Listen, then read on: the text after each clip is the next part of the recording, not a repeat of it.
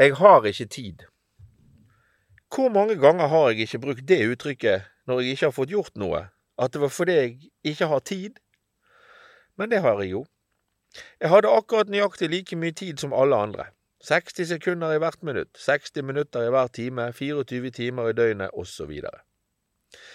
Det handler om at hver og en av oss benytter våre sekunder, minutter og timer ulikt.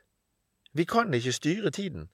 Den tikker i vei med samme hastighet uansett hva vi gjør eller hvor vi befinner oss. Vi kan derimot bestemme våre egne aktiviteter og hvordan vi utnytter tiden. Noen får gjort imponerende mye ut av tiden sin, noen sånn passe og andre veldig lite. Det finnes ingen fasit. Noen fyller tiden sin med så mange aktiviteter at de glemmer å puste. Jeg har brukt mye tid på å finne en balanse i hvordan jeg bruker min tilmålte tid.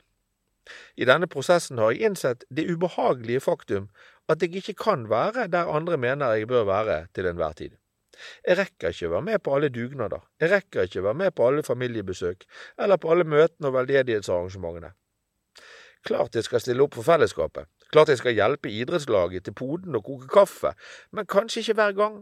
Kanskje er det helt greit at vi av og til sier nei, og dermed også akseptere at andre kan si nei.